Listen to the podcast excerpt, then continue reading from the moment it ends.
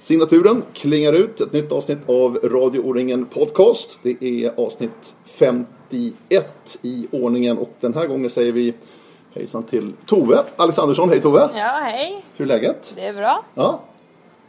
Hur, hur mår du? Liksom, eh, vi minns ju sommaren, VM, foten och allt det där. Hur, hur är det nu? Nej, men det är bra. Jag har tränat på mycket. Det är väl det jag har gjort mest senaste månaderna. Tränat väldigt mycket, så jag ser väldigt mycket fram emot att eh, skidorienteringen förhoppningsvis drar igång snart. Mm.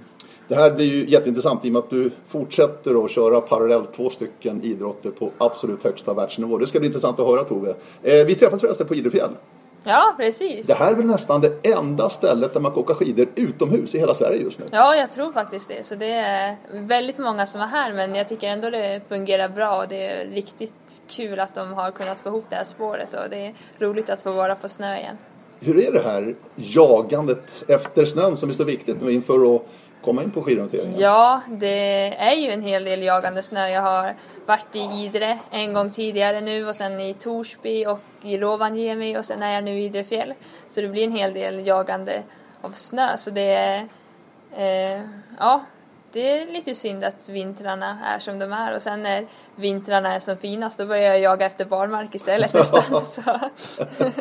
Men känner du dig motiverad och peppad också inför skidorienteringen nu? Ja absolut, jag är verkligen jättepeppad inför skidorienteringen. Jag har förberett mig bättre än jag gjort tidigare år eftersom jag inte har kunnat springa så mycket under hösten så har jag haft lite mer fokus mot eh, skidorienteringen istället. Så jag ser verkligen fram emot att den ska dra igång. Mm. Du, eh, om vi börjar året 2015. Om du ser som helhet, och då pratar fotorientering om vi börjar med det. Vad, vad, säger du då? Du har vunnit världscup totalt, men ja. vad, vad, känner du själv inför säsongen 2015? Ja, det känns mest som att jag har tränat hela tiden och sen har jag inte fått tävla så mycket. Lite så känns det som att det blev ett, väl, ett väldigt, väldigt bra träningsår. Men eh, ja. Vad, vad, vad, menar du med det? Att det har blivit mest träning? Eh, ja, ja, det är väldigt många. Jag har väldigt många A-start i år. Jag tror jag har mer A-start än starter i år faktiskt. Så det har blivit... Eh, men jag har ju tränat på väldigt bra. Jag har inte haft några egentliga sjukdomsperioder och så utan jag har kunnat träna väldigt bra hela tiden. Men som sagt så har det hänt saker in mot tävlingarna så att jag inte har kunnat tävla så mycket. Så det har blivit mest eh, väldigt mycket tränande. Men ej start, vad, vad har det berott på då? Vad, vad är det för olika skäl? Um, ja, dels det var någon gång som jag var lite krasslig mm. och sen har jag varit eh, skadad ganska mycket, lite olika saker. För jag bestämde mig redan egentligen i början av säsongen att jag verkligen ska vara noggrann och lyssna på kroppen och så fort jag får någon känning någonstans så ska jag ta den på allvar och liksom inte springa. Så en del tävlingar har jag hoppat just av säkerhetssynpunkt bara för att jag fått någon liten känning. Så har jag bestämt nej, men då hoppar jag de här tävlingarna för det är inte så viktigt. Och sen så har det gått över. Så, eh, men sen så var det ju skadan som jag fick innan VM då som var betydligt större än de små skadorna som jag hade innan som bara gick över på en knapp vecka. Mm. Har du dragit några lärdomar av det här? Vad, vad har du liksom tagit till utav just att det har hänt så mycket den här säsongen?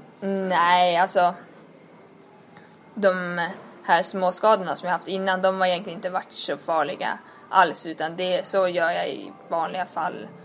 Det är lite mer att jag varit mer försiktig nästan. Att eh, i vanliga, tidigare kanske jag hade sprungit tävlingen ändå om jag hade tyckt den varit viktig. Men nu har jag verkligen stoppat upp och den skadan jag fick innan VM berodde ju på att jag slog i foten. Så det kan jag inte direkt säga hur jag skulle undvika utan det är ju sånt som händer. Det är ju som sagt svårt att undvika så det vet jag inte, kan jag inte säga hur jag skulle ha gjort annorlunda för att undvika det. För annars så började året fantastiskt bra fotorienteringsmässigt för nere i Tasmanien, Australien så var du ju otroligt bra form. Ja. Mitt i vintern, ja, mitt i skidorienteringen liksom. Vad, vad, hände där? För att du var ju helt överlägsen. Ja, jag vet, det gick väldigt bra så ja, det var väldigt rolig start på året. Var det någonting med motivationen, att det var kul att komma dit liksom, att man känner glädje, den här stora glädjen alltså? Jag vet inte, det kanske är för att jag är typ alltid väldigt sugen på att tävla och att jag är van att tävla under vintern också framförallt. Eh, och de andra kanske mer är i lite mer grundträningsperiod och kanske inte riktigt vana att tävla på samma sätt mitt under vintern så de kanske inte hade samma form men att eh, jag kan vara i väldigt bra form på vintern också om jag vill så det kanske berodde mer på det. Ja, För det var ju tre världscuptävlingar och du vann alla tre. Mm. Ganska tydligt. Det var ju liksom ingen snack om det. Och då kändes det som att oj, 2015, det blir som liksom en, en räkmacka för Tove Alexandersson. Men så blev det ju inte alls. Nej. Utan kom de här pinnarna in i hjulet som du pratade om Ja. nyss. Ja, så var det. Ja. Så det, det är komma till lite, trots att du vunnit världscup totalt, den, känner du ingen besvikelse någonstans ändå liksom att du inte kunde hålla den nivån? Jag vet inte, jag har inte... Jag har lagt 2015 bakom mig ganska mycket. Jag eh, fokuserar liksom framåt och på här och nu och eh, egentligen under säsongen också, även det jag inte har kunnat springa så jag har försökt att inte liksom gräma mig och vara så mycket besviken utan har fokuserat på det jag har, kan göra och jag har som sagt tränat väldigt bra och jag har haft istället haft fokus på att träna för att, istället för att fokus på att åh nej jag kan inte vara och tävla där de andra tävlar utan försökt fokusera på det jag kan göra istället. Innan vi lämnar 2015, bara VM i Skottland då. Med den här fotskadan du fick, fotskadan du fick innan. I samband med O-ringen nästan va? Ja precis. Där du inte sprang, du sprang en öppen bana. ja precis, jag sprang en öppen bana på första etappen och det var då som jag slog i foten. vad, vad hände? Eh, jag vet inte riktigt, jag trampade på någonting och det gjorde väldigt ont. Det gjorde liksom väldigt ont men jag fortsatte ändå springa för man kan ju slå i ibland och jag tänkte inte på att det skulle vara så farligt men sen så, eh, så kände jag ingenting först ett tag men sen så började jag känna mer precis på slutet och sen när jag kom i mål och så så kunde jag liksom inte stödja riktigt på foten och sen så tog det liksom några dagar som jag inte kunde ja, stödja på foten överhuvudtaget. Men kände du där och då liksom att oj, det här var inte så bra för VM? Nej, då trodde jag absolut inte det. Det var två veckor kvar till VM och jag hade ju liksom bara slagit i foten lite grann. Jag trodde inte att det skulle vara någon fara. Men sen så ju längre tid det tog ju klart jag blev lite mer orolig men jag trodde faktiskt eh, inte att VM skulle vara i fara. Går, går det liksom att speeda upp sånt här? För jag menar, du vill vara med och tävla, självklart. Och du vill att det ska gå så fort som möjligt. Hur hanterar man det? Eller låter man kroppen liksom får, får sköta det här? Mm, ja, ja, precis. Kroppen fick väl egentligen eh, sköta det. Det var så mycket att göra. Men eh, jag försökte egentligen bara fokusera på det jag kunde göra och att for, fortsätta att försöka förbereda mig så bra som möjligt och att räkna med att jag skulle kunna tävla. Och du försökte ju. Ja, Du sprang i sprintkvalet då som var första insatsen så att säga under VM. ja, precis. Men du kände direkt att det här funkar inte? Nej, eh, det kändes, jag kände lite innan sprintkvalet, det var ju inte helt bra foten, det visste jag ju, men vi bedömde att eh, det inte skulle bli så mycket värre av att jag skulle springa. Eh, Så jag sprang och jag kände ingenting när jag sprang egentligen, jag kände när jag värmde upp lite men när jag tävlade så var det inga problem. Och jag kände ingenting efteråt heller egentligen i någonting mer utan det var dagen efter som det kom. Så när jag vaknade på morgonen då kände jag direkt att det här är inte bra då insåg jag väl kanske att okej, det är inte så stor chans att jag kommer kunna springa något mer det här VMet för då hade jag ja, rejäl smärta i foten. Hur var det där att vara på plats där och inte kunna vara med Tove? Ja, det var väldigt tufft. Eh, som sagt så har jag kunnat ta ganska bra när jag varit hemma och så de tävlingar jag inte kunnat springa bara för då har jag kunnat fokusera på träningen och annat men där fanns det liksom inget annat att fokusera på så då var det väldigt tufft att vara där liksom när det bara var VM som gällde men inte jag kunde springa. Men du var ändå med och sprang sista dagen långdistansen och hamnade precis utanför pallen, fyra. Ja, Hur, hur var det med foten där då? då? Hade den läkt eller? Nej, den hade inte läkt, eh, men eh, ja, egentligen så är jag fascinerad över att det, hur det kunde gå så bra att springa med de skador som jag egentligen hade i foten. Eh, Då, men vi visste inte riktigt omfattningen då, för eh, jag gjorde en MR sen senare som visade på lite mer skador än vi först visste då. Men eh, jag kände ingenting alls när jag tävlade. Jag kände egentligen inget när jag sprang i skogen, jag kände lite så här när jag värmde upp. Men när jag tävlade så kände jag ingenting, så det var egentligen inget som, foten störde mig överhuvudtaget, inget under loppet. Så, så sett var det bra. Det var ju liksom mer att förberedelserna inte hade varit de bästa, att jag inte hade sprungit i stort sett någonting på tre veckor. Och det var ganska mentalt tufft att liksom varje dag ladda inför ett lopp att, fast jag egentligen inte vet om jag kommer kunna springa. Eh, så det var ju ganska tufft så men det var ju jättekul att få springa ett lopp. Det var det verkligen och eh, även om det så här i efterhand kanske inte var det smartaste att springa det, det kanske förlängde läkningstiden så ångrar jag liksom inte utan det var, det var väldigt kul att få springa. Det var fantastisk terräng och en rolig bana. Mm. För sen blev det ju inget mer av hösten, ja, förutom då världscupfinalen och 25 ja. som du kunnat springa i alla fall. Ja, precis. Men liksom en månad försvann ju där egentligen. Ja, men jag egentligen så tror jag inte det hade spelat så... Jag tror inte VM-loppet spelade så stor roll egentligen för att det, jag kände inte mer i foten efter långdistansen än före egentligen. Utan den var ju... Det var som värst efter sprintkvalet och sen blev det sakta bättre egentligen hela tiden. Så det kanske fördröjde läkningen ja, max en vecka skulle jag gissa på. Så jag tror att det, jag hade ändå inte kunnat springa SM eller några andra tävlingar. Och nu är den bra fot i alla fall? Ja, jo, men det, jo, ja, det tror jag. jag fortfarande springer jag inte jättemycket utan eh, som sagt har jag ganska mycket fokus på skidåkningen nu också så jag har inte trappat upp löpningen för fullt men jag känner ju ingenting i foten så jag antar att den har läkt som den ska. Mm. Är det där, det där tycker jag är intressant, att åka med skidorna på vintern då? Mm. Det är ju väldigt skonsamt på ett sätt så att säga mot, mot leder och även för oss som är äldre är ju skidor fantastiskt bra motionsform. Mm, Känner du också att det kan vara en bra modell för dig ändå att spara kroppen lite grann? Även om du tränar hårt, det är inte det jag säger men skidåkningen är absolut. mer skonsam. jag tror att det är jättebra. Jag tror att eh, just också att det ger väldigt bra styrketräning också för kroppen och bygger upp kroppen på många sätt och att jag kan träna väldigt hårt under vintern när jag varierar mellan skidåkning och löpning och kanske kan träna mer och fler hårda pass än de som bara springer bara för att jag kan variera. Hur mycket springer du på vintrarna? Mm, jag springer ungefär hälften av passen och hälften Ja, det är så pass ändå. Men sen så blir det lite olika. Ibland så är jag iväg på ett skidläger och då blir det ju mer skidor. Och ibland så är jag iväg på barmarksläger och då blir det ju bara löpning. Vilket är roligast? Alltså, sommaren eller vintern? Orientering, skidorientering? Nej, det är ju orienteringen som jag tycker är absolut roligast. Det är det jag satsar mest på. Och jag trodde väl kanske inte att jag skulle kunna kombinera skidorienteringen så här länge som jag gjort. Men det fungerar bra. Jag tror att det ger mig väldigt mycket till sommaren också. Och också just att träna skidor. Och så länge det liksom ändå går att få ihop programmen så kommer jag fortsätta. För det har varit ganska länge i ditt liv du har hållit på så här, både sommar och vinter. Ja, det har det verkligen varit. Jag har ju åkt skidorientering ja, sen jag var tio år och liksom varit med på alla junior-VM och sådär i både skidorientering och orientering och också började åka VM i både orientering och skidorientering när jag var junior så det har blivit ganska, vissa år, ganska många mästerskap.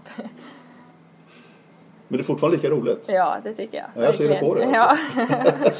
jag kollar här, första året du vann eh, O-ringen totalt. Ja. Det var 2001. Mm. Du hade inte ens fyllt nio år. Nej. du var åtta år då. Ja. Kommer du ihåg det där? Ja, det kommer jag ihåg. Det var jättehäftigt. Det var, hade jag absolut inte väntat mig att jag skulle kunna vinna. Utan det var, nej, det var en väldigt häftig upplevelse faktiskt. Vad har du begåvats med Tove? Vad tror du? Vad, vad, vad, vad är anlagen, generna så att säga, som har gynnat dig så mycket? Nej, jag har ju alltid varit väldigt, framförallt tyckt väldigt mycket om att tävla sedan jag var väldigt liten. Och eh, väl, tyckt väldigt mycket om att utmana mig själv och testa nya svåra banor och så. Jag har ju hållit på med orientering i hela mitt liv. Jag har ju växt upp i en orienteringsfamilj och så och började ha en bror som är två år äldre så jag ville ju alltid hänga med honom på liksom det han gjorde så jag har ju alltid legat kanske lite före de andra i min ålder. Eh, så det är nog mycket det och sen så har jag haft alltid sedan jag var liten väldigt mycket fokus när jag har tränat liksom. Jag har inte tränat jättemycket för att det har mina föräldrar lärt upp mig med att jag inte får träna för mycket för att eh, ja, min mamma hon fick sluta på grund av skada och så så jag har varit väldigt, de har varit väldigt strikta så eh, när jag var yngre att jag inte fick träna så mycket. Men istället så var jag väldigt fokuserad på de träningspassen jag genomförde. Att då tränade jag verkligen. ja, men som ungdom och viss mån junior också skulle jag vilja hävda då att då kommer man ganska långt på, på talang. Jo, så är det. Men, och det fokuset du pratar om. Ja. Men när du har växt upp så säger då måste man ändå träna rätt mycket. Nu. Ja, absolut. Ja. Så det är rätt stor skillnad så tillvida. Ja, det är det. Verkligen. det, det, det, det, är kul att höra. Alltså, men du, du, du blev ju segervan redan från början. Ja. Du har ju vunnit oerhört mycket tävlingar i ditt liv. Jo. Håller du räkningen eller? Nej, det gör jag inte. Nej, det gör inte. Som sagt var, åtta år var när man, 20, när man O-ringen då i Uppland 2001 första gången. Mm. Vad minns du av den där veckan? Mm. Då var du D10 alltså? Ja, nej jag minns inte så jättemycket. Jag minns att eh, jag fick en sparkcykel i pris och det var jag väldigt glad över för jag hade önskat mig en sparkcykel men mina föräldrar ville inte ge mig en. Så jag var väldigt nöjd över det och väldigt nöjd över att få gå på prisutdelningen där och ha en stor fin krans och så. Jag vann, ju, jag vann ingen etapp utan jag vann bara totalt. Men jag gick ut i ledningen sista dagen då, fast det var ingen jaktstart mm. då. Men jag hade ju ledningen så det var... Jag kommer ihåg då att jag var ganska lugn, jag var inte så nervös utan jag visste liksom att gör jag... Jag hade inte jättestor ledning, jag tror det var någon minut bara. Men jag kände ändå att gör jag bara ett bra lopp så kommer jag hålla det här och det gjorde jag så det var riktigt häftigt. du, eh, du är ju professionell kan man säga. Mm. Du har inga studier vid sidan om. Nej. Utan du, du satsar på idrotten helt och fullt. Ja. Hur, hur bär sig det? Hur är det möjligt för dig Tove? Ja, eh, jag har egentligen varit det nu sedan jag tog studenten. Eh, så det är några år och eh, eh, dels har jag väldigt bra sponsorer och samarbetspartner som gör det möjligt att jag ska kunna genomföra det här.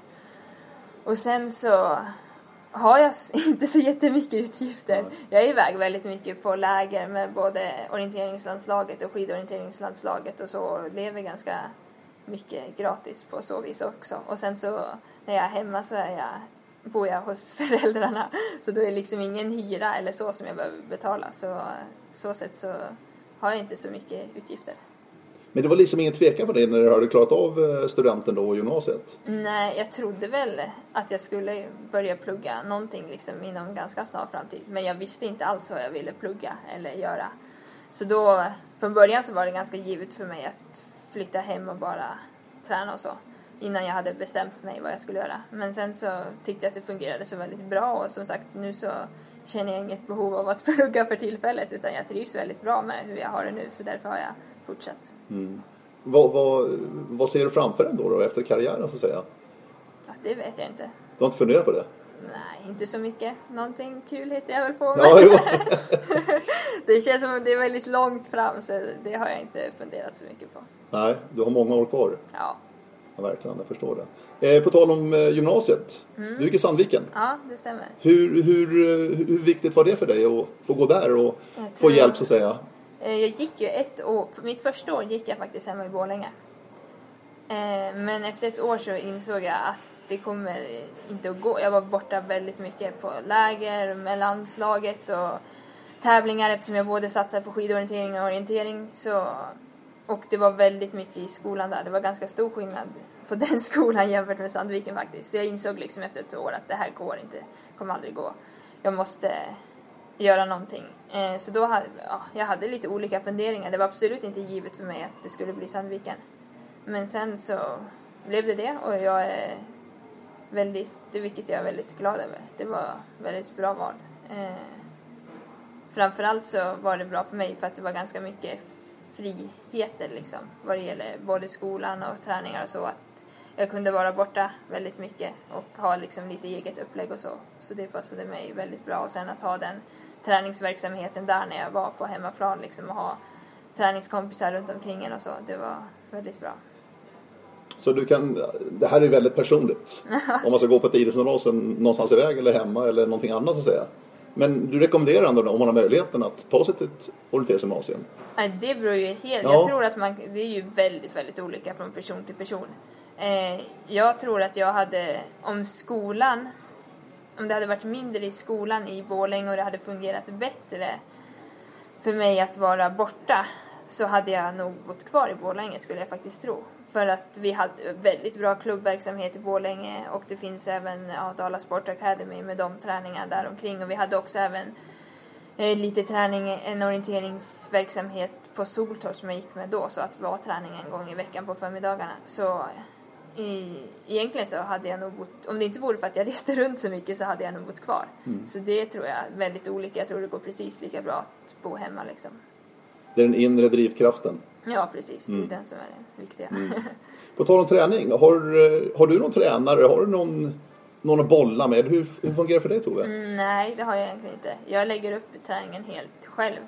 Eh, har du alltid varit så? Ja, jag har alltid varit väldigt intresserad av träning och så och funderat väldigt mycket. Och, eh, så jag har lärt känna mig själv och min kropp väldigt bra och vad som eh, ja, jag blir bra av. Så jag har tycker att det fungerar bra att lägga upp den själv. Sen så har jag, tycker jag är jätteintressant att diskutera träning med andra och lyssna på föreläsningar och så. Så jag tar liksom input från massa olika håll och kan bolla med någon om jag känner för det. Men det är jag som lägger upp träningen helt själv.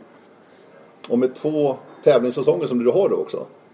Hur, hur jobbar du då för att få in de här tunga grundträningsperioderna till exempel? Ja, det måste vara tufft för dig. ja, egentligen så eh, har jag inga i år är väl första året som jag faktiskt har haft längre grundträningsperioder just eftersom jag inte har tävlat lika mycket.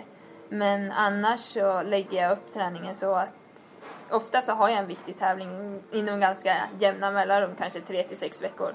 Så längst ifrån så fokuserar jag mer på mängd och tränar mer tid och hårdare och sen så ju närmare tävlingen jag kommer drar jag ner på mängdträningen och fokuserar mer på de högintensiva passen. Så det blir liksom som små, kortare grundträningsperioder utspridda över hela året istället. Och eh, det fungerar väldigt bra för mig så jag tror att det är ett bra upplägg. Mm. Hur ofta har du en karta med dig? Alltså hur ofta är du i elementet, skogen? Mm, är du alltid där eller? Nej, det är jag inte alltid. Men jag springer ganska mycket i skogen. Det är inte alltid som jag kör orienteringsteknik, eller det jag. Jag kan ha karta med men att jag inte har fokus på orienteringstekniken. Men jag, framförallt när jag var yngre så sprang jag i stort sett bara i skogen. Jag sprang inte asfalt alls fram till jag var typ ja, 15, 16 och började springa juniorcup och insåg att jag alltid blev jättestum i benen på alla sprinter bara för att jag hade inte sprungit någon asfalt egentligen utan jag sprang bara i skogen. Men nu har jag, lägger jag in mer träning liksom på hårdare underlag och så också för att bli bättre på det. Men från början är jag väldigt van med att bedriva den mesta av träningen i skogen. Mm. De här högintensiva passen du pratar om, vad, vad kan det vara för dig Tove? Ja, det är ju allt möjligt. Tävlingar, jag tävlar ganska mycket för år. Och intervallpass och ja, snabbdistanspass och träningstävlingar och så. Mm. Så träningstävlingar, det är, det, är, det är träningstävlingar för dig? Då är det träning? Ja, men eller ja, jo så är det. Och, men det är ganska många av de tävlingar som jag kör också som jag också ser som ren träning bara. För jag tävlar ganska mycket, liksom även tycker det är kul att vara på lite mindre tävlingar också. Men de ser jag ju också bara som ja, träningstävlingar fast att det är riktiga tävlingar. Mm. Hur pass väl planerar du din säsong så att säga? Har du tittat nu mot, vi ska komma in på 2016 snart som ja. är jättespännande då med VM i Sverige då, men hur pass väl detaljerat är du? Du är väldigt detaljerad när du väljer ut tävlingarna, eller? Nej, jag har ju ganska klart från början liksom vilka de stora målen är. Det är ju liksom var världscupen är och VM och de stora mästerskapen. Och eh, då anpassar jag sen träningen efter dem när jag vill vara i bra form och så. Och sen så de andra tävlingarna som inte är så viktiga, de tänker jag mer att de, en, de vill jag väldigt gärna vara med på och om de passar in i min plan att det känns bra, då kör jag dem. Men att jag kan lika gärna plocka bort dem om det inte känns bra. Och jag planerar inte egentligen så mycket detalj så långt i förväg för att det kan hända så himla ja. mycket. Det är liksom ingen idé. Utan jag vet, ja men de här tillfällena vill jag vara i form och här vid de här tillfällena kan jag träna som mest och hårdast. Men sen så plan, själva exakt vad jag ska träna det gör jag liksom egentligen veckan innan tänker vilka pass jag ska köra. Men jag har ju en tanke om hur hård veckan ska vara beroende på hur långt det är kvar till nästa viktiga tävling. Mm.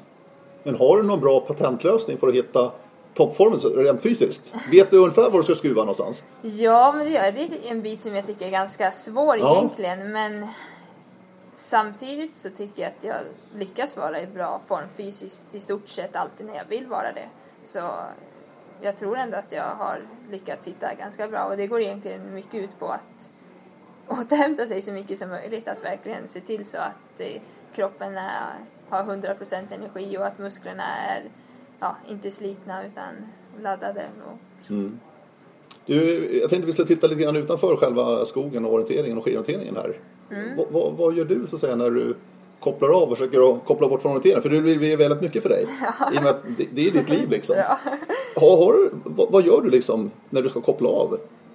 Uh, ja, när jag är hemma ja. så gör jag egentligen inte så mycket. jag, oftast så är det de perioderna som jag är hemma som jag kanske tränar som mest. Och då är jag ganska, oftast ganska trött faktiskt mm. mellan, så brukar jag ta det ganska lugnt. mycket mest, då brukar jag liksom ta tag i alla saker jag behöver ta tag i. Om jag orkar och svara på mail och sådana saker och packa upp väskan och tvätta och allt sånt där. För jag är inte hemma så långa perioder egentligen. Så då måste jag liksom göra alla sådana saker som jag inte har gjort när jag varit borta. Och sen så emellan så tar jag det lugnt. Och sen så är jag iväg väldigt mycket och reser. Och det är det som jag tycker är absolut roligast. Att se och uppleva nya platser. Och göra saker när jag är iväg. Så då fokuserar jag mer på att ja, uppleva de platserna jag är på och göra saker. Så. Mm. Eh, jag är inne och kikar på din blogg då och då. Ja. Liksom, du skriver då och då, du skriver inte varje dag, det ska jag inte säga. Men eh, det är ett fantastiskt inlägg från just Australien i eh, vintras när ni var på världscupen. Mm. Med massor av bilder. Ja. Det måste varit ett otroligt äventyr. Ja, verkligen. Det är jättehäftigt. Jag tycker att de, det är allra roligast. Ju längre bort världscupen är nästan, desto roligare att få åka på något nytt ställe långt bort och se nya saker och så. Så, ja, samma sak när jag var i Nya Zeeland för två år sedan. Det var också helt fantastiskt. Så då försöker jag passa på att uppleva så mycket som jag bara kan och söka upp så många saker som jag vill se och besöka och oftast eh, löpandes. Det är så jag tycker bäst om att göra saker. Jag ser inte så stor vits att bara gå och titta på någonting utan jag vill springa upp för ett berg eller springa till vattenfall eller vad det nu är och ja, se sakerna på så vis. Har du någonting framöver du ser fram emot att få besöka eller? Uh, Sånt där du vill bocka av? Har du någon sån här dröm? Nej, det har jag. Det är jättemånga. Jag skulle vilja åka till Island och se saker och springa orientering där också såklart. det vore kul. Men annars så, eh, som Nya Zeeland skulle jag också vilja åka tillbaka till någon gång. Där kände jag liksom verkligen att jag inte hann med allting som jag hade velat göra. Men annars så ja, ser jag fram emot liksom nästa resor och tänker att det finns alltid något kul att se och hitta på där. Mm. Du, jag tänker böcker, musik, sånt där. Mm. Som många plockar upp och säger att nah, men då kanske jag läser en bok. Gör du det Tove? Mm, jag läser lite böcker ibland i perioder men inte... Ja. Ibland läser jag böcker. Musik lyssnar jag inte så jättemycket på. Det lyssnar jag på typ radion i bilen och kan lyssna på ibland men nej. Jag tycker bättre om att göra saker. Antingen så typ är jag jättetrött och ligger i soffan och halvsover eller så gör jag någonting. typ. Inte så intresserad av liksom att bara sitta och läsa. Det kan vara väldigt skönt ibland men eh, ja, det beror på om jag hittat en riktigt, det måste vara en riktigt bra bok för att det ska vara värt att läsa den. mm. eh, jag tänkte komma in på en viss Simone Nigli-Loder mm. alldeles strax. Mm. Eh, jag tänkte bara först backa bandet till 2011. Mm. O-ringen i Hälsingland. Mm. Eh, du var inte ens fyllda 19 år, du var 18 år fortfarande då. Mm. Och vann huvudklassen, mm. D21 Elit. Mm. Vad kände du där och då så att säga? För att det måste ändå varit en enorm känsla för dig att vinna huvudklassen där. Som, ja. Du var inte ens 19 år fyllda Tove. Nej, det var... Ja, det var väldigt häftigt och jag är väldigt stolt över att jag lyckades hålla ihop det hela veckan också för att det blev väldigt mycket runt omkring. Nu är jag ju väldigt van med att det är mycket media och så runt omkring men det där var egentligen första gången som jag upplevde just det här att det var hela den veckan gick ett. Det var liksom intervjuer och saker egentligen hela tiden utan det var väldigt mycket och sen att samtidigt lyckas hålla, ha kvar lite hjärnenergi och kunna prestera på tävlingarna. Och nej, det var väldigt kul och jag är väldigt stolt över det också. Det var jätterolig terräng och jätterolig orientering så det var verkligen en fantastisk vecka. Men kände du också någonstans, för det kände jag i alla fall, det ska jag vilja erkänna, att det var ett jättegenombrott för dig verkligen att här är jag liksom, här kommer jag. Och du, du, var ju, du hade ju kvar juniorår fortfarande. Mm, både och. Jag visste ju att jag hade den kapaciteten jag var inte, jag visste att jag skulle kunna vara med och slåss i toppen när jag åkte till O-ringen. Du visste var, det alltså? Ja, det visste jag. Sen var ju alla landslagslöpare som var ju inte på plats för det var ju ett VM som var ganska tätt inpå så det var ju ja, som sagt inte alla landslagslöpare på plats så jag visste att jag skulle kunna vara med och slåss i toppen och jag, jag var ju faktiskt reserv till VM det året så jag var ju ändå bland de absolut bästa i Sverige. Så, eh, men jag utvecklades väldigt mycket under det året. Så det var väl snarare det att jag hade, gick verkligen från de tävlingarna jag gjorde till våren och sedan de resultaten jag gjorde på hösten. Jag vann ju, det sista jag gjorde var ju att jag vann en världscup där på hösten. Så det jag utvecklades väldigt mycket det året. Mm. Och du fick ju springa en distans också på VM Ja, i Frankrike där och Ja. fick med en medalj hem faktiskt. Ja, jag fick, Du fick ju kastas in i stafetten där. ja, det var jättekul. Det var så otroligt häftigt. Eh, jag gick ju liksom där veckan och det, det var jättekul att vara där men det kändes ju lite liksom tungt på tävlingarna ibland att jag ville ju så otroligt gärna springa och jag tyckte den där terrängen passade mig väldigt bra. Men jag hade egentligen inte så stora förväntningar på att jag skulle få springa någonting. Men sen så fick jag reda på kvällen innan att jag skulle få springa stafetten. Och eh, då blev jag bara otroligt glad. Jag såg väldigt mycket fram emot och var jätteglad över att få den chansen.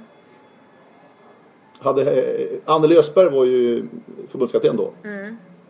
Hade hon vetat om det här hela veckan och inte sagt någonting till dig? Eller hur, hur, hur gick det där till? Vet du det? Ja, jag tror, jo, jag har ju väl hört lite efter att de hade ju liksom haft mig uppe på diskussion att jag skulle, framförallt kanske efter jag hade sprungit så bra på eh, O-ringen och så att jag verkligen utvecklades under hela sommaren också. Att när de tog ut, de tog ut VM-laget väldigt tidigt och jag fortsatte ju liksom att utvecklas ganska mycket även efter de hade tagit ut VM-laget. Så jag tror ju liksom att de hade eh, tankar om att jag skulle kunna få springa stafetten men jag hade ingen aning om det faktiskt alls. De hade inte gett några så, sådana signaler till mig liksom mer än att de sa att alla skulle vara förberedda liksom. Men annars hade jag inte fått några så jag blev ganska förvånad faktiskt. Mm. Och det var klart för oss att det var ett magiskt bra VM för Sverige just på damsidan. Ja, I verkligen- Frankrike. verkligen, det var ju det var- helt extremt bra. Tog ju alla tre medaljer på sprinten. Ja. Annika vann långdistansguldet. Helena vann medeldistansguldet. Och du fick springa stafetten. Ja, nej det var, det var ett helt fantastiskt VM, verkligen. Det var helt otroligt. Nu hoppar vi fram till 2013. Ja, O-ringen i Boden. ja, Och där var det ju verkligen häftigt, tycker jag då rent journalistiskt Ja. sett. Med den här kampen mellan Simone och du då Tove. Mm. Det, var ju, det var ju som upplagt för en underbar strid. Och det blev det ju också. ja, det blev en fantastisk fight mellan er över de här fem dagarna. Ja, det var det. Ända in på mållinjen i princip. Ja, så var det. Vad, vad kommer du ihåg av det här? För att jag tycker det var helt magiskt måste jag säga. Det var också en helt fantastisk vecka. Simone har ju alltid varit en väldigt stor inspirationskälla för mig och att jag har alltid liksom jämfört mig mot henne och framförallt de sista säsongerna innan hon slutade så liksom var det ju henne jag såg upp, med, upp till och verkligen jämförde mig med och vad behöver jag bli bättre på. Det var ju henne jag verkligen ville slå. Eh, och eh, jag hade ju ett jättebra VM också i Finland. Eh, men jag var ändå liksom väldigt sugen på att tävla, fortsätta tävla på O-ringen. Så jag var ju riktigt taggad på att få möta henne där och jag sprang jättebra på första etappen och fick ett ganska stort försprång gentemot de andra och henne då. Så, men sen så knaprade hon lite, in lite grann dag för dag sen men eh, ja, det räckte hela vägen till slut vilket var jättekul. Vad är det du har sett hos Simone som du har tagit ombord själv Tove? Ja, men hon eh, har ju varit bäst liksom de, ja, väldigt länge. Vad är det som har gjort henne bäst tror du? Jag tror liksom att det är att hon har haft en så otroligt bra helhet. Hon har inte så många svagheter egentligen.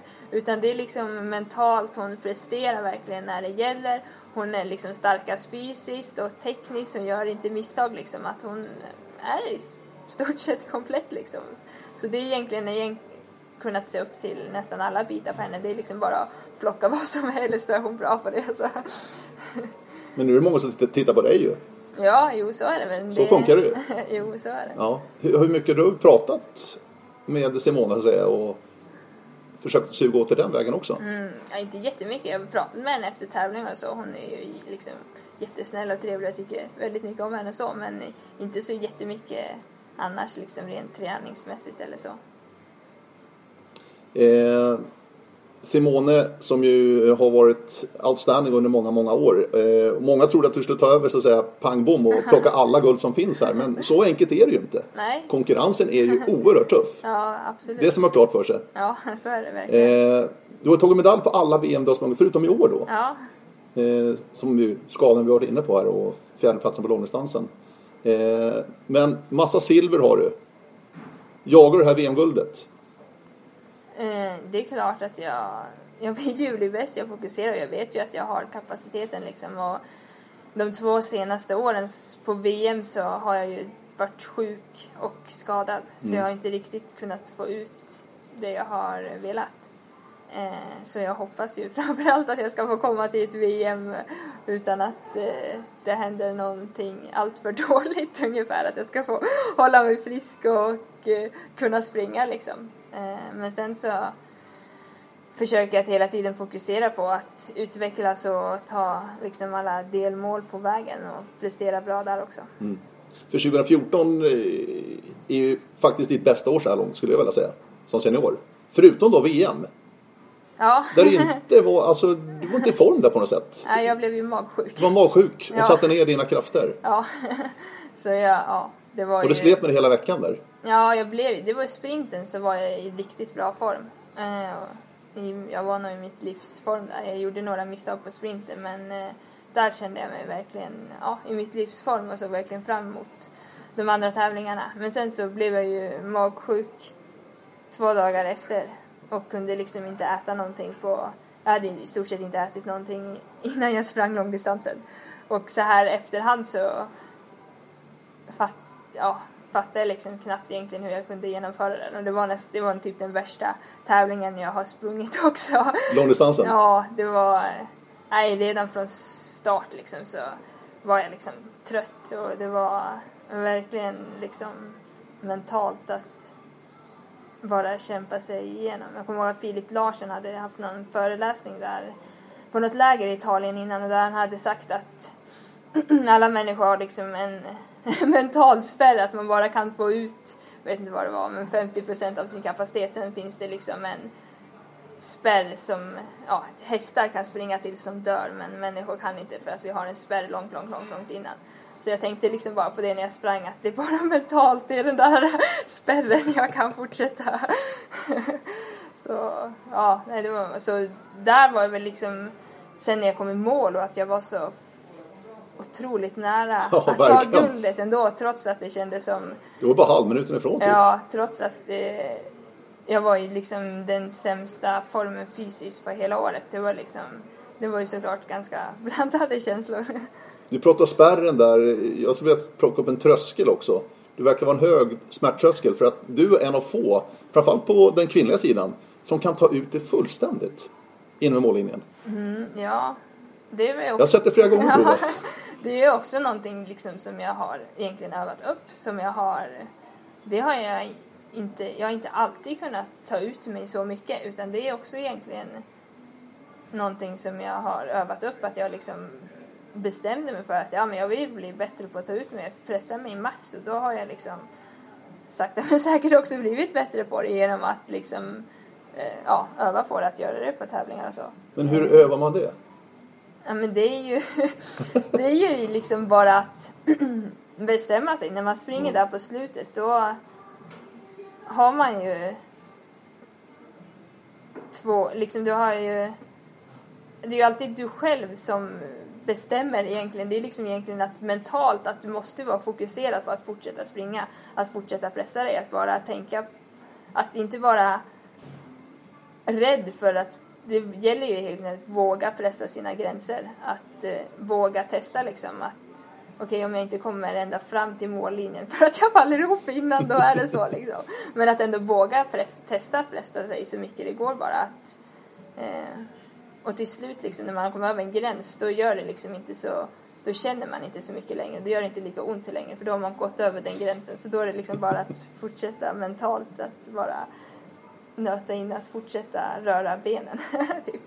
Men det här är ju bara huvudet, låter det som. Ja, men det tror jag. Eller det är lite, jag skulle också säga att det är form, lite formmässigt också. Jag tror man måste vara i ganska bra form för att kunna pressa kroppen med så mycket mjölksyra som det ändå är.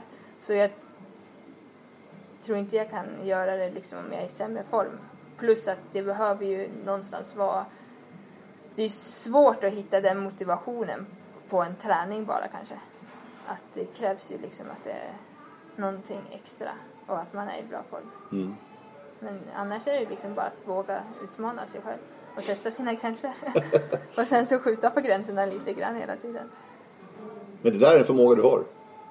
Alltså jag, ja, men jag tror som sagt det är ju liksom en träningssak. Jag har inte alltid haft så.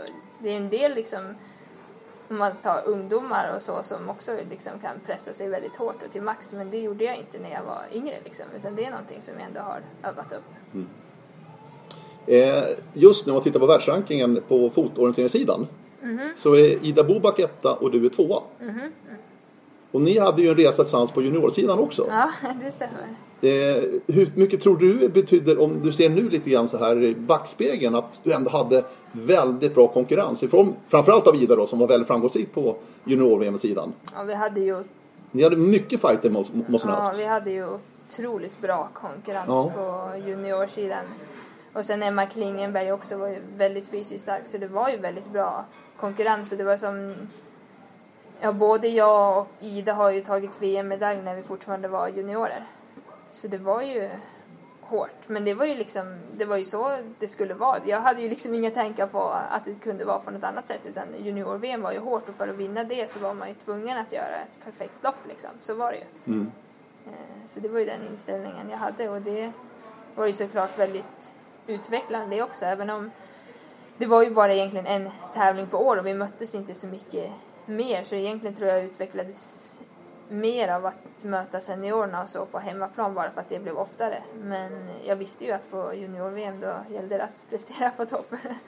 Och ni kommer fortsätta ha sköna fighter framöver. Det känns som det i alla fall. kul. Ja, absolut. Ida fick ju ta sitt första VM-guld då i år då, Ja. på långdistansen just då Ja. i, i Skottland där.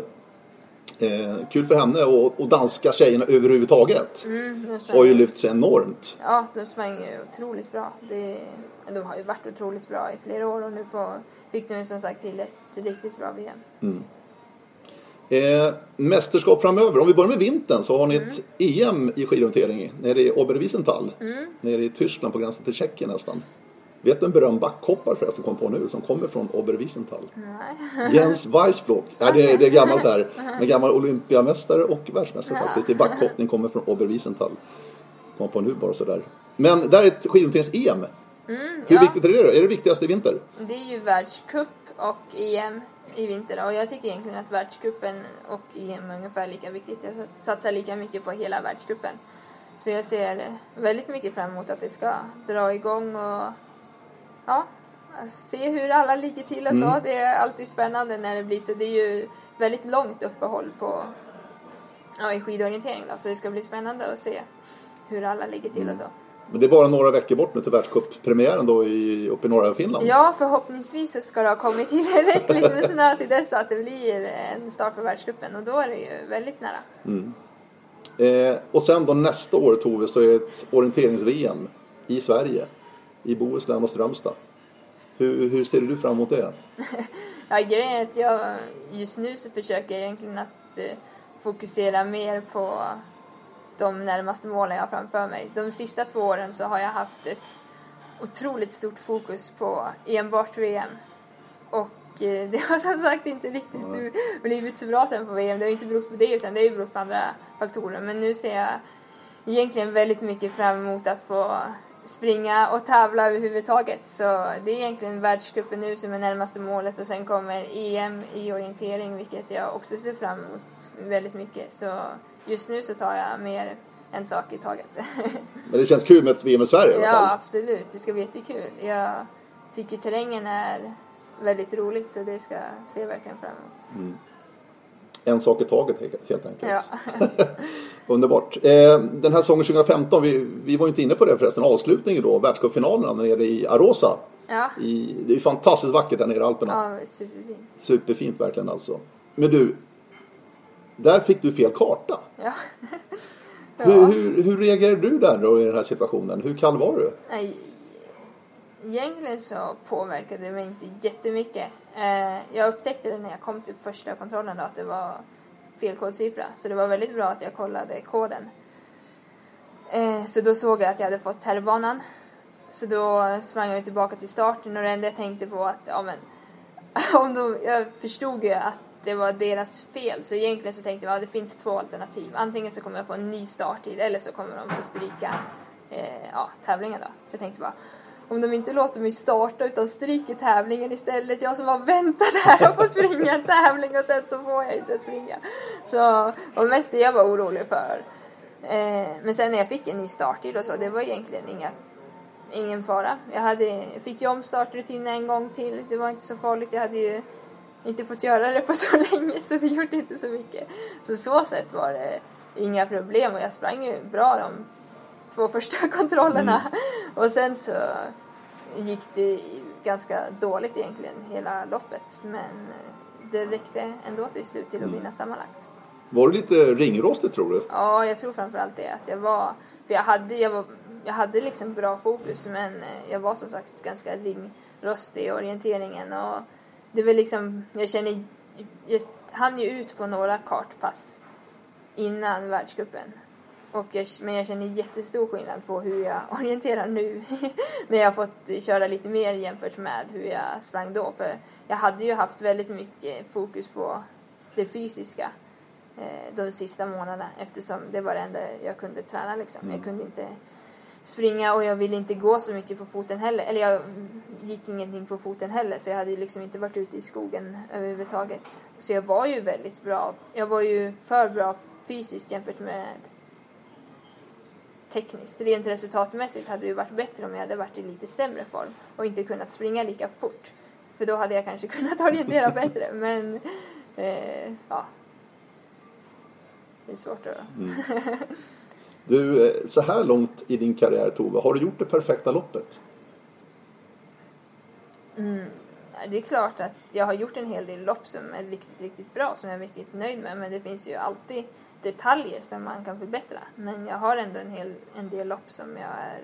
Om du plockar fram ett som du minns som där det var alltså i princip helt perfekt. Vilket plockar du fram då? Ja, ett av mina bästa lopp är ju när jag vann min första världscupseger. Eh, men egentligen så har jag nog gjort lopp som har varit eh, lika bra som det tidigare. Men det var egentligen det. Eh, det var ändå ett väldigt häftigt lopp att jag lyckades. Var är vi någonstans? Världs, vi är eh, 2011 på hösten, världscupavslutningen, medeldistans i Schweiz. Eh, så det var ja, schweizisk terräng där och att jag var i väldigt bra form och hade, jag sprang egentligen väldigt nära mitt max liksom. Och kunde och samtidigt orientera bra. Så det var väldigt kul. Sen har jag gjort en del riktigt bra lopp på hemmaplan också på junior-VM och sådär. Så mm. det är ju en del riktigt bra lopp som jag har gjort. Där jag ändå har varit väldigt nära liksom mitt max både fysiskt och orienteringstekniskt. Mm. Vilken är din drömterräng då? Vad, vad gillar du bäst alltså? Vad, vad, vad trivs du allra bäst? Ja, alltså jag älskar ju den här terrängen här på Idre fjäll ja. väldigt mycket. det är ju typ min Men det gör många. Ja, så det här är absolut en av mina drömterränger verkligen. Det är det. Men jag, jag tycker egentligen väldigt mycket om svensk, ja, många svenska terränger där det verkligen är detaljrikt och svår orientering men samtidigt ganska lättsprunget. Så det är väl här och sen så tycker jag väldigt mycket om Norrlandskusten också. Så det är nog mina favoritterränger. Mm. Tove, det var jättetrevligt här. Ja, verkligen. Och eh, träningslägen nu, världscupen i Finland och mycket skidor här i vinter. Mm. Det Om det nu kommer någon snö också. Ja, jag får hoppas på det. och så ett, VM, eh, ett EM då i Tjeckien är det ju i maj. Mm, fotmässigt. Och sen ett Sverige-VM då i augusti månad i Bohuslän och Strömstad. Eh, stort tack Tove! Ja, tack så mycket! Väldigt trevligt! Och eh, hör gärna av er fortsättningsvis också med andra önskegäster. Radio oringen.se är adressen precis som vanligt. Vi säger tack och bock ifrån Idefjäll. Hej då!